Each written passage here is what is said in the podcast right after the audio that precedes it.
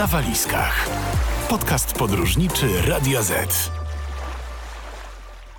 Kobieta za sterami samolotu dzisiaj już raczej nikogo nie dziwi. W samych polskich liniach lotniczych LOT spotkamy kilkadziesiąt pań wykonujących taki zawód.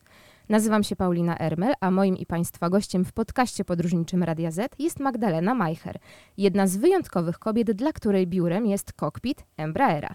Cześć Magda. Dzień dobry. Z naszego studia rozpościera się widok na co najwyżej biurowy korytarz ty z pewnością w swojej pracy masz nieco ładniejsze widoki. Latasz już parę lat, powiedz mi proszę, czy jeszcze cię zachwycają? Tak, oczywiście, że tak. E, gdzie nie polecę, gdzie są nowe miejsca, nowe miasta. Każde miasto wygląda inaczej z góry. E, niektóre są położone wzdłuż gór, niektóre są przy jeziorach. E, to wszystko myślę, że nigdy nie przestanie zachwycać i myślę, że każdy pilot, niezależnie od tego, jak długo lata, to zawsze jest coś, co go zachwyci w każdym locie. Powiedz w takim razie mi, i naszym słuchaczom, e, ile lat już latasz i czym? Do tej e... pory latałaś, czym latasz teraz? E, teraz latam szósty rok zawodowo. Do tej pory latałam głównie na Boeingu 737, a od 2020 roku latam samolotem typu Embraer. W samolocie siedzisz po prawej stronie od wejścia, mm, bo jesteś pierwszym oficerem. Tak, I powie, powiedz mi proszę, czym w praktyce zajmujesz się w tym samolocie i czym się to różni od pracy y, kapitana? Praktycznie, może tak to ujmę, kapitan zajmuje się wszystkim tym samym, co ja, plus e, do tego zarządza całą załogą, czyli nie tylko zarządza tym, co się dzieje u nas w kokpicie, ale w razie różnych sytuacji standardowych i niestandardowych zarządza też e, załogą pokładową. Także generalnie obydwoje na zmianę latamy, na zmianę prowadzimy korespondencję, programujemy komputer pokładowy, generalnie robimy też przegląd przedlotowy albo polotowy, po polocie, pilnujemy tankowania. Ogólnie mamy te same zadania, ale zadaniem kapitana jest jeszcze takie ogarnianie wszystkiego dookoła, bo kapitan to jest taki kierownik tego samolotu, możemy tak Rozumiem. tak powiedzieć. On ma przypilnować, żeby każdy dobrze wykonał swoją pracę. Według statystyk mm, Pilot Institute w 2021 roku było na świecie ponad 720 tysięcy pilotów, ale tylko niecałe 65 tysięcy kobiet, co stanowi jakieś 9%. Za to w 2017 roku, czyli 4 lata wcześniej, e, było kobiet pilotek tylko 42 tysiące, e, więc widać ewidentnie tą tendencję mm, rosnącą. I powiedz proszę, skąd u kobiety pomysł na latanie takimi wielkimi maszynami? U mnie to się wzięło z tego, że mój tato jest pilotem i zawsze mi się to jakby podobało, że on tak bardzo lubi swoją pracę że idzie do tej pracy po prostu zadowolony, że chce tam iść. E, no i w porównaniu do różnych innych osób, które były w moim otoczeniu, które nie chciały chodzić do pracy, w sensie jako dziecko, to wydawało mi się, że po prostu im się nie chce, albo nie wiem, może chcą zostać w domu. To, to było takie fajne, że, że idzie z radością, z chęcią, że, że też czasami czeka, żeby pójść do pracy, że to jest jako, jakoś tam emocjonujące. Później jakby z czasem, no podobało mi się, ale niestety y, ja miałam problem jako dziecko, jako nastolatka ze zmianą ciśnienia w samolocie. I dla mnie każdy y, lot na gdziekolwiek y, kończył się po prostu łzami w oczach, bo to ciśnienie było tak, jakby no nie, nie bilansowało się dobrze w mojej głowie. To trwało do 16 roku życia. No i myślałam, że pilotem nie będę mogła być, że po prostu nie dam rady, bo to będzie ból w moich uszach, w mojej głowie. Także miałam różne inne pomysły, ale cały czas mi się tak podobało to latanie i jakby tak kusiło mnie, żeby jednak próbować. Kiedy latamy moimi samolotami, one nie są hermetyzowane. Kabina nie ma potrzeby, żeby, żeby być pod ciśnieniem, bo latamy na niskich wysokościach, niższych niż samoloty liniowe i spróbowałam tego uroku latania mniejszymi samolotami nieraz z moim tatą. I jakby dopiero później połączyłam ten fakt, że w sumie tam nie ma tego problemu i może w tym bym się odnalazła i może to latanie na małych samolotach byłoby tym docelowym, zawodowym lataniem. Ale w międzyczasie oczywiście inne zawody też mi się bardzo podobały. Ale wylądowałaś w samolotach liniowych. Nie mogę powiedzieć, żeby to była zasługa e, lekarzy albo, nie wiem, jakiegoś magicznego proszku czy czegoś. Nie wiem, jak to się stało, to po prostu samo minęło, bo ja mam krzywą przegrodę e, nosową, ale nigdy nie miałam wykonywanej operacji. Także może po prostu jak ta głowa rosła, to coś tam się zmieniło, ten kształt tej przegrody jeszcze się zmienił, to powietrze lepiej zaczęło przepływać. Tata ci kibicował, jak tylko widział takie twoje ukłony w stronę tego lotnictwa? I tak i nie. W sensie cieszył się, że mi się to podoba, że gdzieś tam dobrze to idzie, ale nigdy mnie nie naciskał, żebym to musiała robić, tylko to było raczej takie podoba ci się fajnie, to możesz kontynuować. Nie podoba ci się, to po prostu przestań, rób coś innego, co też ci się spodoba, bo na pewno jest dużo innych rzeczy, którymi się interesujesz i możesz tak samo jakby pójść w tą stronę. Jak wygląda takie szkolenie na pilota? Pewnie słyszysz to pytanie bardzo często, ale z pozycji takiego zwykłego śmiertelnika wydaje się to wręcz czasami nieosiągalne. No przede wszystkim masa tych egzaminów, godziny nalotu, ale też nienaganne zdrowie, które jest no, chyba niezbędne. W kwestii zdrowia bardzo dużo się zmieniło przez ostatnie, myślę, 20-30 lat. To są takie no, ogromne zmiany, bo kiedyś y, różne wady, ułomności nie były dopuszczane. Y, jakby badania lotnicze nie były wydawane przy zbyt dużej wadzie wzroku, przy, przy problemach z ciśnieniem. Teraz y, dużo więcej się dopuszcza. Są też takie specjalne dopuszczenia, że można wtedy latać tylko w załodze wieloosobowej. Czyli taki pilot e, generalnie może wykonywać pracę, ale nigdy nie może być sam w kokpicie. W sensie nie może wykonywać lotów samolotem, który jest przeznaczony do latania w załodze jednoosobowej.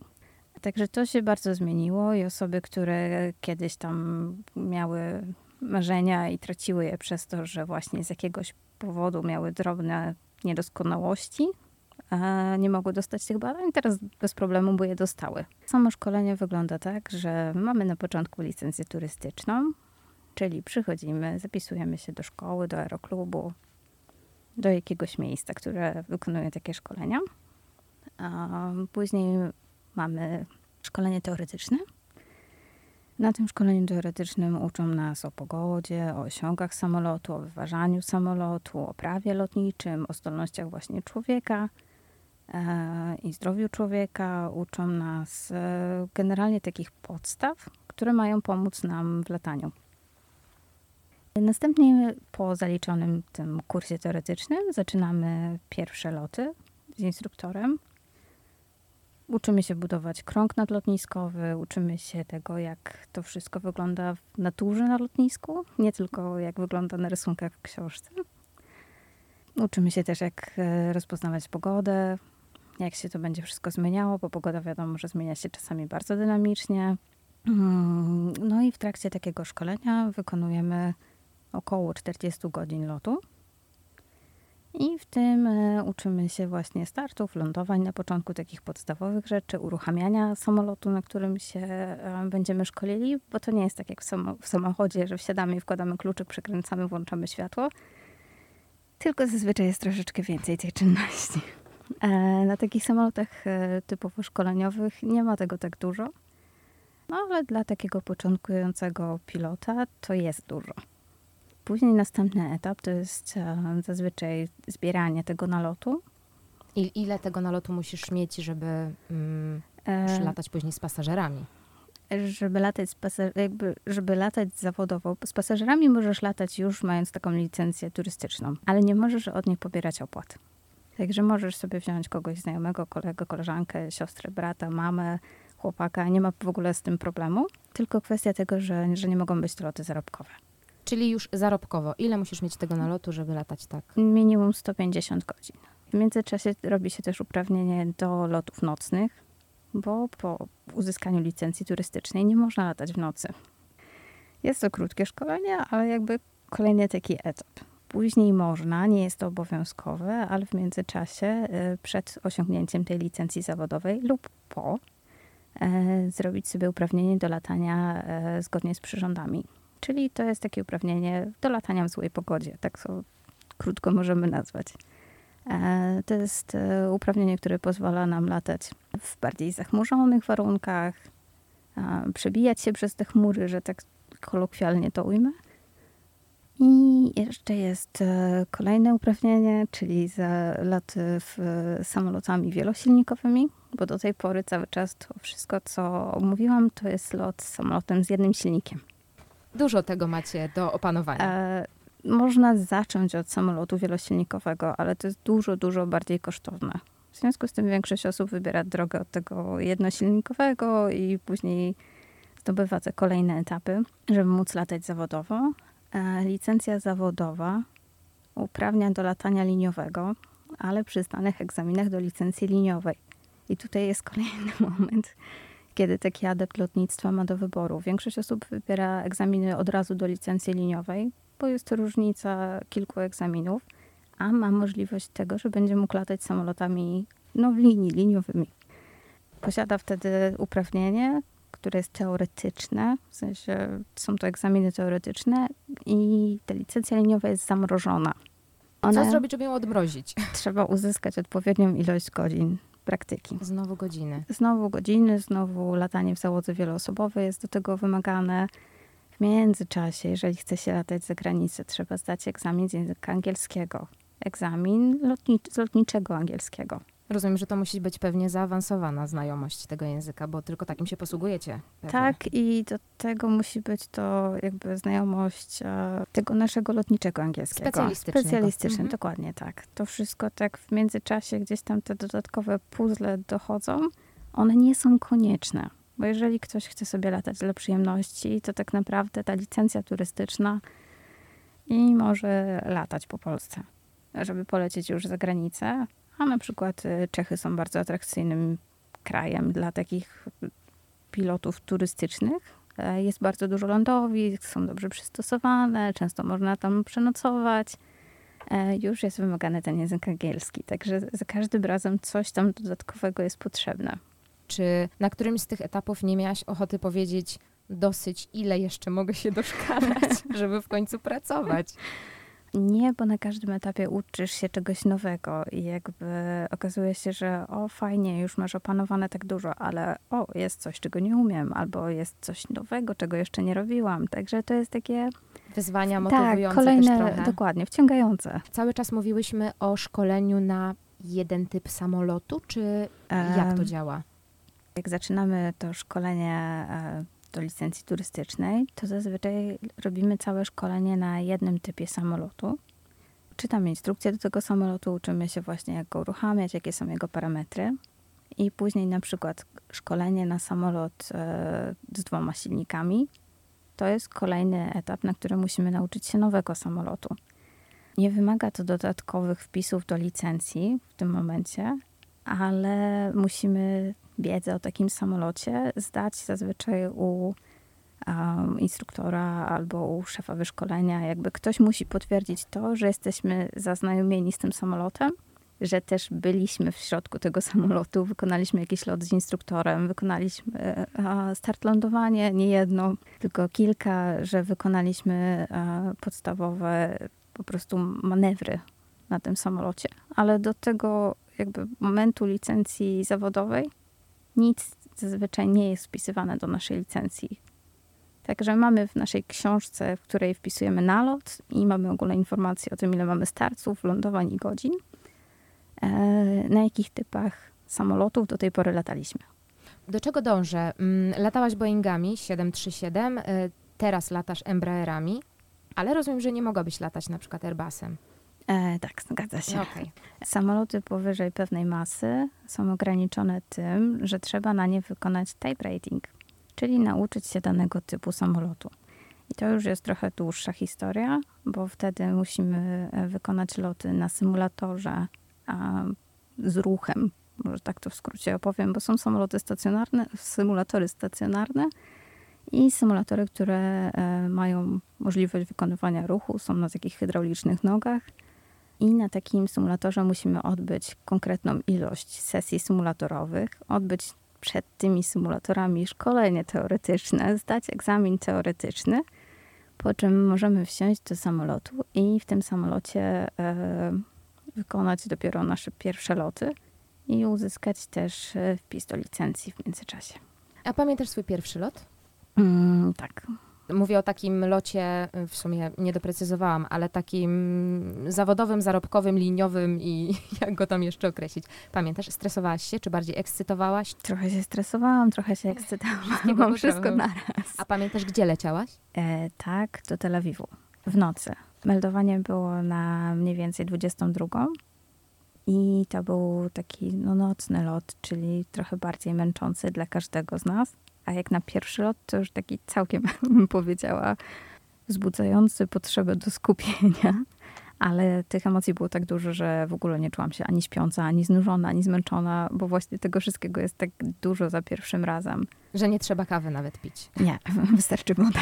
Takiego przeciętnego pasażera y, też interesuje, co taki y, pilot robi na przykład, jak już ten samolot osiągnie tę wysokość przelotową. Zapisujemy ten czas, kiedy to się stało, jaką mamy ilość paliwa w danym momencie, zapisujemy wartości albo sprawdzamy, czy są e, w granicach limitu na wysokościomierzach i później prowadzimy przez cały rejs od początku, jakby od startu do lądowania, prowadzimy e, plan lotu. I w tym planie lotu właśnie zapisujemy różne informacje. W międzyczasie rozmawiamy z kontrolą. No i prawda jest taka, że ci kontrolerzy wołają nas w różnych momentach. To nie jest tak, że to jest równy odstęp czasu. Te granice e, ich jakby działalności też są różne. W międzyczasie sprawdzamy pogodę na lotnisku docelowym, sprawdzamy po drodze, jakie są pogody na lotniskach, które potencjalnie moglibyśmy wybrać jako miejsce lądowania, gdyby coś się zdarzyło po drodze. Kontrolujemy tą sytuację, pilnujemy tego, co się dzieje z tym samolotem, oczywiście. E, jest włączony autopilot, ale cały czas musimy, jakby jest to naszym obowiązkiem, żeby monitorować, co się dzieje, z, co, co robi ten autopilot, może tak to ujmę co się dzieje z parametrami silnika. A na jakich trasach latasz? Latam głównie na trasach europejskich. Są też lotniska poza Europą, na które latam, ale, ale głównie myślę, że możemy to określić jako Europa i kraj. Słuchasz podcastu Radio Z. Czy dla ciebie to latanie to już jest rutyna?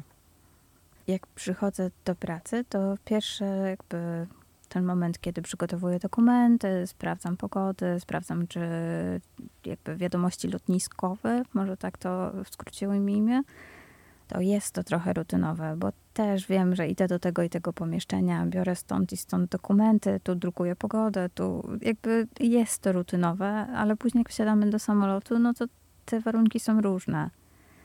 Są momenty właśnie takiej rutyny, rutyny typowej, są takie rutyny z nutą tego, że może coś się nowego wydarzyć, dlatego dobrze jest wykonywać to rutynowo, bo jak zaskoczy mnie coś innego, to ta rutyna będzie moją podstawą do tego wszystkiego, taką bazą i mogę na niej polegać. Także u nas ta rutyna ma dwa oblicza. Ona może być bardzo dobra, bo jakby wykonujemy wszystko zgodnie z procedurami, czyli to jest rutynowo ale z drugiej strony może być zgubna, jeżeli ktoś e, stwierdzi, że no jest, nie wiem, zaczyna się tak jak zawsze i no to nic się nie stanie, nic nie będzie jakichś, nie wiem, zmian. A tu jednak w połowie drogi Coś burza. na przykład. Jak już rozmawiamy o tej burzy, muszę zadać ci to pytanie. Nie boisz się latać? Nie, nie zdarzyło ci się nigdy nic takiego w przestworzach, co podniosło ci trochę ciśnienie? Oczywiście, że się zdarzyło coś, co podniosło mi ciśnienie nieraz z różnych powodów, ale to nie jest strach. My w naszej pracy musimy wiedzieć, co zrobić z tym strachem, bo gdyby każdy z nas się bał tego, co się stanie, to nie moglibyśmy wykonywać tej pracy, bo każdy by się bał, że o, może być turbulencja po drodze, o, może będą ptaki przy lądowaniu latały gdzieś tam dookoła pasa. I to nie byłoby zdrowe po prostu. Także to jest tak, że podnoszą nam ciśnienie różne sytuacje, albo są takie dla nas takimi bodźcami, które nas e, zaniepokoją, ale to nie jest tak, że się boimy. A potrafisz sobie przypomnieć chociaż jedną taką sytuację, która sprawiła, że jednak e, wyprostowałaś się na tym fotelu? E, kiedyś miałam podczas e, rotacji samolotu, czyli w momencie, kiedy odrywamy te kółka od ziemi, może tak będzie łatwiej to zobrazować. e, uderzył ptak w szybę i uderzył... Waszą? Tak, w, w naszą e, szybę z przodu. E, I no niestety skinął, ale został na tej szybie e, w takiej pozycji jak gołąb anielica na środku szyby kapitana. No na szczęście jest druga szyba, w sensie druga taka, która, e, przez którą widać e, wszystko z przodu. No, trzeba zawrócić. No niestety trzeba zrobić przegląd samolotu. A musi przyjść mechanik, zobaczyć co tam się zadziało, czy wszystko jest ok. E, szyba na szczęście ma tak dużo warstw i jest tak skonstruowana, że ona od wróbla raczej małego nie powinna Nic być uszkodzona, Tak. ale no trzeba, takie są procedury. Dla nas pasażerów to na pewno lepiej, bo wtedy Oczywiście. mamy stuprocentową pewność, że dolecimy i że wszystko będzie w porządku. Wracając do takiego tematu jakby kobiety stricte w lotnictwie. Czy mundur u kobiety pilotki wzbudza taki respekt w społeczeństwie, za, zaciekawienie, zainteresowanie? Jak to jest? Myślę, że zaciekawienie, zainteresowanie tak. Sama jak jestem pasażerem i siedzę, czekam na, na swój lot, to też się oglądam, jak idą załogi i patrzę na przykład, jakie mają mundury, albo fryzury, albo jakby no, zwraca to też moją uwagę. No, myślę, że zaciekawienie to jest dobre, dobre słowo. A jak pasażerowie reagują twoich samolotów, jak się dowiadują, że dzisiaj samolot y, pilotuje kobieta? A myślę, że już ich to tak nie dziwi. Nie dziwi. że jeszcze 15 lat temu pewnie dużo bardziej dziwiło, a teraz raczej to jest. Um, stwierdzają, że tak jest i okej. Jakby nie, nie odnoszą się do tego. Dress code w pracy. Co masz na sobie podczas takiego lotu? Mam na sobie garnitur, można tak to określić. W większości linii jest to garnitur i koszula. Do tego jest albo fular, albo krawat. To też zależy, co dana linia wybierze, e, jakby też w jakim klimacie się lata. To te, te mundury się troszeczkę różnią, ale generalnie wymagane jest jakby to, co narzuci nam nasz pracodawca, czyli załóżmy, że jest to właśnie ten garnitur, biała koszula, krawat. Czasami czapka, nie w każdej linii jest czapka. Teraz trochę się to robi taki relikt przeszłości, ale dużo linii zostawia tą czapkę. Ja myślę, że tak generalnie mężczyźni wyglądają w tej czapce często bardzo e, tak elegancko, ładnie. No i tak samo myślę, że jak stewardesy noszą toczek albo inną formę nakrycia głowa, głowy, to też często wyglądają bardzo ładnie, jakby to tak to dopełnia tego wizerunku. To chyba w Emirates mają takie... Taki mm, toczek z, tak, z um, apaszką, nie chyba wiem jak tak. to nazwać. I te kolory, prawda? One są takie wyraziste. Wszyscy wiedzą, że to leci załoga tak, e, Emirates, tak, dokładnie. tej linii. A biżuteria, y, takie rzeczy możecie nosić? E, wolno nosić e, pierścionek, obrączka. E, wolno nosić oczywiście zegarek, nawet jest wskazane, żeby nosić zegarek. E, kolczyki niezwisające.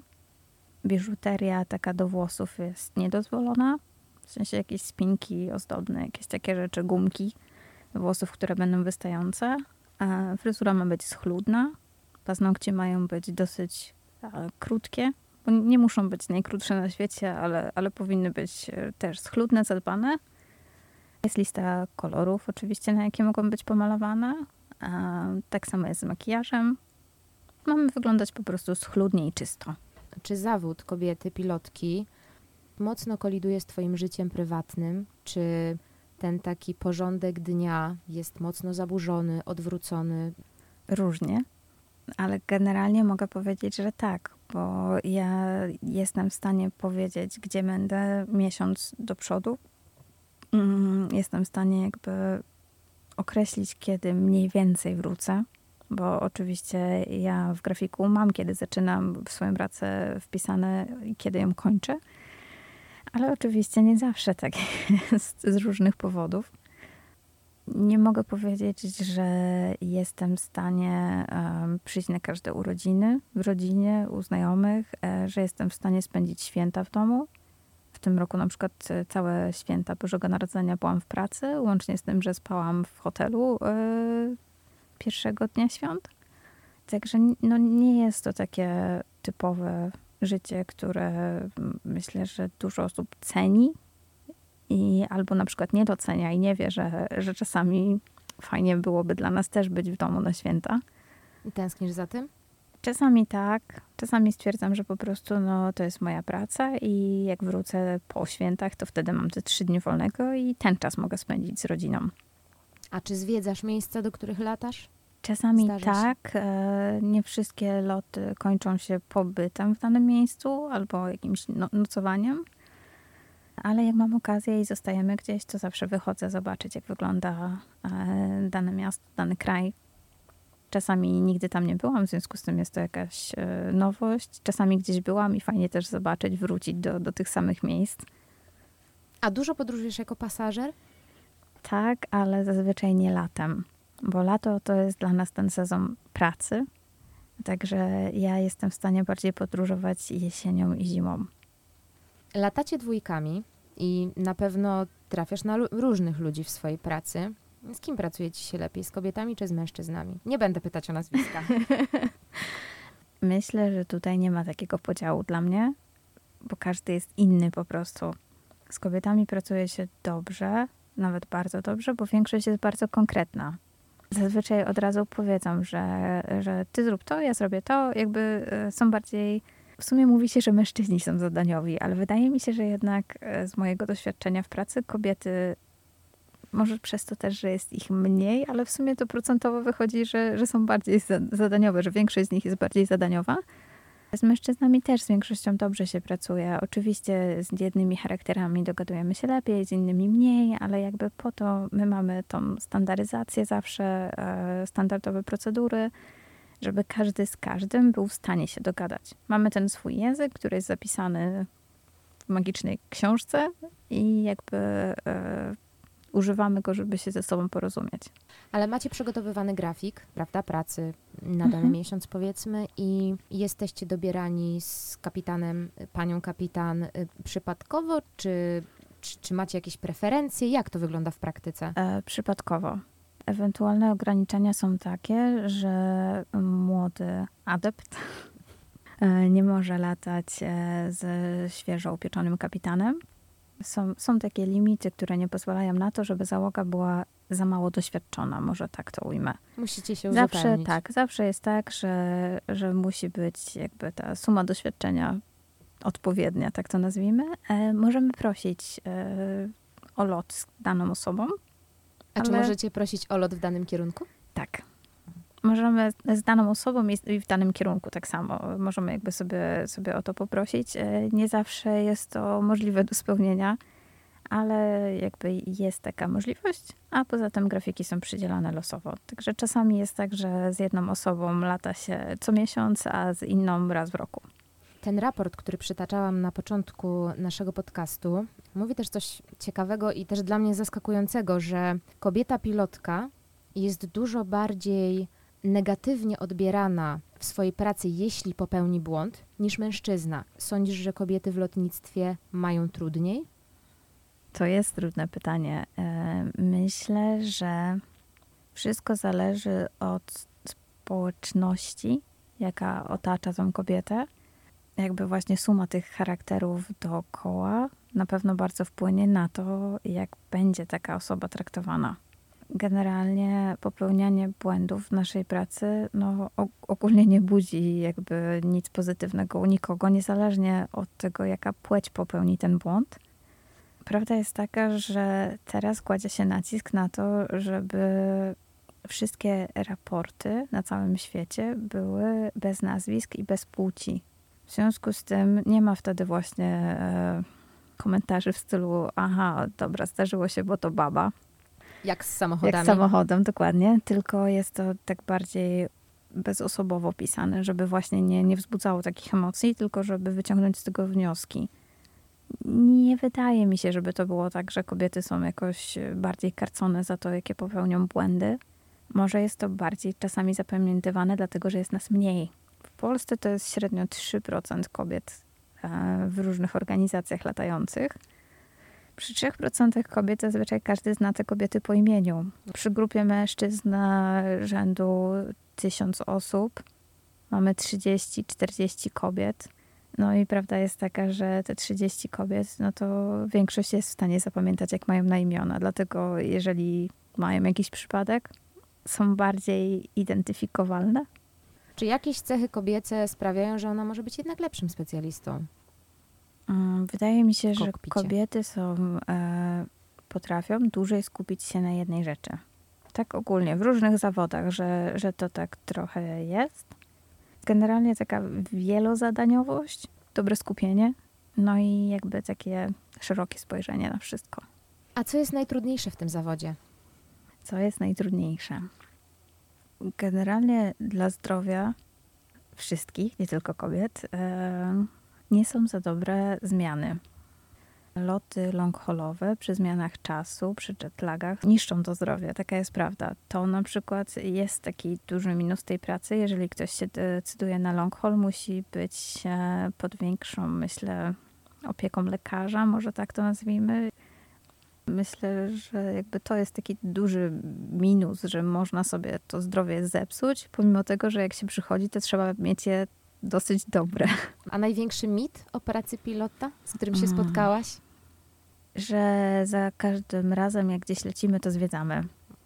Często jest tak, że jesteśmy gdzieś tylko 40 minut, tylko tankujemy, sprzątamy, jakby przeglądamy samolot, czy wszystko jest z nim ok i lecimy z powrotem. Także owszem, zobaczymy sobie na przykład, nie wiem, Kopenhagę z góry i zobaczymy, jak wygląda lotnisko, ale syrenki już nie zobaczymy z bliska. Ale rozumiem, że na takich lotach dalekobieżnych, długodystansowych, na przykład, nie wiem, Australia, Nowa Zelandia, już pewnie ten e, postój jest dłuższy. Tak, bo prawo lotnicze wymaga odpoczynku. E, no i załoga nie byłaby w stanie też wrócić, po prostu byłaby za bardzo zmęczona, ale ogólnie prawo e, jakby to reguluje i jest obowiązek e, odpowiednio długiego odpoczynku, czyli na przykład w zależności od długości rejsu, to jest albo co najmniej tyle, ile trwał ten lot, albo minimum 12 godzin na miejscu, no, w zależności od, od tego właśnie, ile, ile i dokąd lecimy. Myślisz, że pilota zastąpi komputer? Myślę, że jest szansa, że jednego z pilotów. Wtedy z kolei ten drugi jakby nie jest w stanie kontrolować tego pierwszego, bo człowiek jest tylko człowiekiem i, i jest zawodny, taka jest prawda. I dlatego my jesteśmy w dwójkę, plus mamy tego autopilota, czyli jakby ten komputer. Czyli jest was troje właściwie. Czyli tak w zasadzie, tak, jesteśmy tam w trójkę. Jest to dosyć trudne pytanie. Myślę, że wszyscy do tego dążą, żeby zredukować oczywiście koszty zatrudnienia, koszty wyszkolenia, koszty podtrzymywania ważności uprawnień, ale czy na przykład jako pasażer chciałabym wsiąść do samolotu, w którym jest tylko komputer? Ja na pewno nie. Właśnie to jest ta, ta kwestia, która trochę tak e, budzi niepokój. A druga rzecz jest taka, że komputer dobrze radzi sobie w sytuacjach e, przewidywalnych człowiek ma ten plus, jakby tą przewagę nad komputerem, że kiedy dzieje się coś nieprzewidywalnego, to człowiek ma wyobraźnię. Intuicję. I dokładnie, doświadczenie, a komputer działa jednak e, tak bardzo schematycznie i myślę, że to jest główny powód, dla którego pewnie długo tak się nie stanie. Ale no, wszyscy oglądaliśmy w latach 90. Jetsonów. Wszystkim nam się podobało, że wszystko się dzieje automatycznie. No i niektóre z tych rozwiązań tak naprawdę są dzisiaj wprowadzone. Wyobraźmy sobie taki hipotetyczny scenariusz, że jednak mm, komputer zastępuje pilota. W jakim kierunku byś się rozwijała? Kim byś była, gdybyś nie była pilotem? Chciałam kiedyś być bardzo weterynarzem. Chciałam być też tłumaczem. Te dwa tak najdłużej to trwało, ale myślę, że to też wymaga jakby dużo pracy. To też są zawody, które wymagają doświadczenia. Bycie weterynarzem jakby ma, ma dużo oblicz, dużo różnych twarzy, tak może to jest tak jak u nas. My jakby nie, jedyni piloci to nie są piloci liniowi. Są też piloci instruktorzy, którzy właśnie szkolą tych nowych pilotów. Są piloci, którzy e, patrolują, a w dalszym ciągu nie tylko robią to drony. Są piloci, którzy gaszą pożary, którzy opryskują pola. Są piloci, którzy latają nie tylko na samolotach, ale też śmigłowcami. Są piloci tylko szybowcowi. Jakby tych twarzy jest tak bardzo dużo i z weterynarzami wydaje mi się, że to też tak jest, że można być e, weterynarzem od małych zwierząt w mieście, można być weterynarzem zoo, można być e, weterynarzem na wsi i odbierać poród od, od krowy i jakby to ostatnie było zawsze moim marzeniem, co jest dosyć śmieszne, ale, ale tak było. Moim Państwa gościem była pierwsza oficer Magdalena Majcher. Dziękuję bardzo. Więcej odcinków podcastu na walizkach znajdziesz na player i Spotify.